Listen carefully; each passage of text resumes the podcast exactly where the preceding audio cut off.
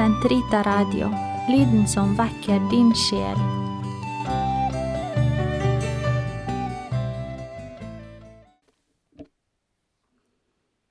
Den katolske kirkes katekisme, uke åtte, lørdag, paragraf 1822 til 1829. Kjærligheten. Kjærligheten er den guddommelige dyd ved hvilken vi elsker Gud over alle ting, for Hans egen skyld, og vår neste som oss selv, for Guds kjærlighets skyld. Jesus gjorde kjærligheten til det nye bud.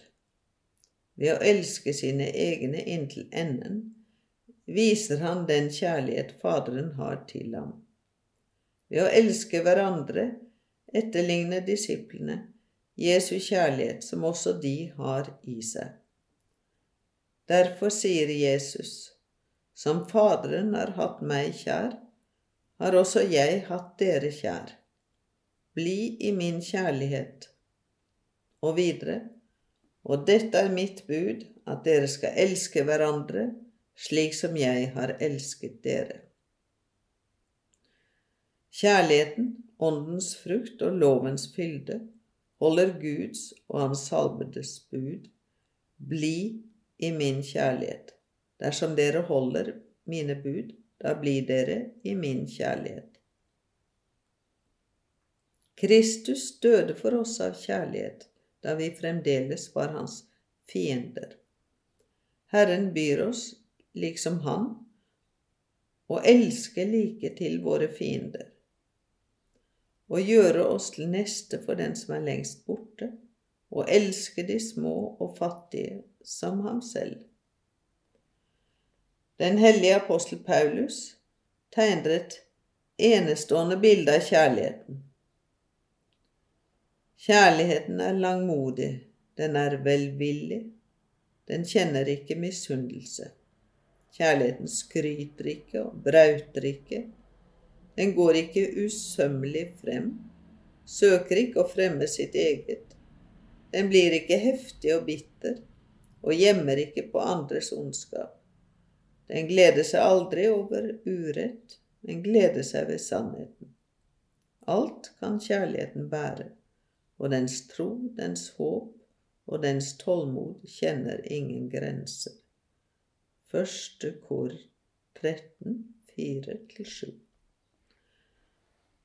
Er jeg uten kjærlighet, legger apostelen til, da er jeg intet, og alt det som er fortrinn, tjeneste, ja, dyd uten kjærlighet, er det meg ennå til ingen nytte. Kjærligheten overgår alle dyder. Den er den fremste av de teologale dyder. Og som det nå er, blir det stående disse tre – tro, håp og kjærlighet. Men størst blant dem er kjærligheten. Utøvelsen av alle dyder besjeles og anspores av kjærligheten. Den er fullkommenhetens bånd. Den er dydenes form. Den fordeler og ordner dem i forhold til hverandre. Den er utspring og mål for kristent moralliv. Kjærligheten sikrer og renser vår menneskelige evne til kjærlighet. Den hever denne evnen opp til den guddommelige kjærlighets overnaturlige fullkommenhet. Å leve et moralsk liv besjelet av kjærligheten forlener den kristne med Guds barns åndelige frihet.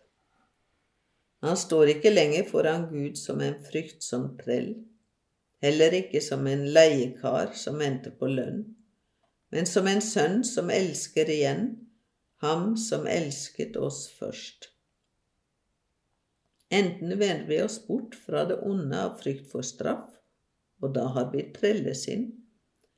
Eller vi søker belønning, og da ligner vi leikarer. Eller vi adlyder for det godes egen skyld og av kjærlighet til ham som befaler. Og da har vi barnesinn. Kjærlighetens frukter er glede, fred og barmhjertighet. Den fører til å gjøre vel og snakke trossøsken til rette. Den er velvillig, den vekker gjensidighet og blir, forblir kravløs og storsinnet. Den består i vennskap og fellesskap. Kjærligheten er fullendelsen av all vår gjerning. Den er målet. Det er for å nå den at vi løper. Det er i møte med den vi løper. Når vi når frem, er det i den vi finner hvile.